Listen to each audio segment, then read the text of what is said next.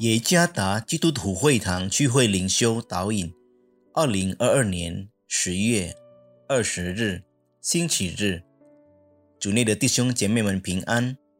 今天的灵修导引，我们要借着圣经约伯记十章十二节来思想今天的主题：在我们苦难的生活中，神仍然眷顾。作者陈良春传道。约伯记十章十二节：你将生命和慈爱赐给我，你也眷顾保全我的心灵。我信靠主，无论是在高山或在怒海狂波，在黑暗的暴风雨中，天父一直保括看顾我。这首歌的歌词是 Walter Stillman Martin 的创作。歌名是《天父必看顾我》。这首歌的内容诉说了上帝对他的创造物，特别是他所爱的人的眷顾。我们今天所要默想的人物名叫约伯，在当时他是一个敬虔人的典范。约伯虽然受了极大的苦，但仍然忠心。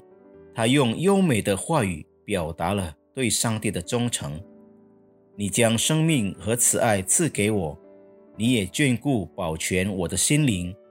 这是一个非凡的信仰的表达。约伯相信上帝不仅在他全盛时期保护他，而且在他生命最黑暗的时期也看顾他。上帝是如此信实，约伯深信上帝会保护他。不是因为他对神的忠诚，而是因为神的信实。在这不完美的社会环境里，我们将会不断的面对生活的压力。虽然我们还不清楚疫情何时才能结束，但在不解中，我们仍然要感恩。我们每个人都当明白，无论面对的患难、危险有多大。都不会使我们与上帝完美的爱隔绝。可能有人会问：为什么神允许敬虔正直的信徒经历失去亲人的悲痛？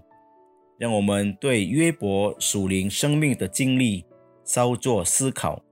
无论一个人有多虔诚，仍然会经历生活中不易的交战，有苦涩、失望和绝望。然而，约伯的态度却有力地证实了上帝并没有丢弃他的儿女。在这不确定的日子，我们必须学习约伯的态度。最重要的是，再次记住，上帝的旨意并不意味着我们不会经历苦难、痛苦、死亡、失败和灾难。作为神的儿女，在这充满痛苦和悲伤的现实生活里，神以他的信实继续工作，他要保护我们，正如保护眼中的同人。上帝看顾和掌管我们的生活，神掌权。愿上帝赐福弟兄姐妹们们。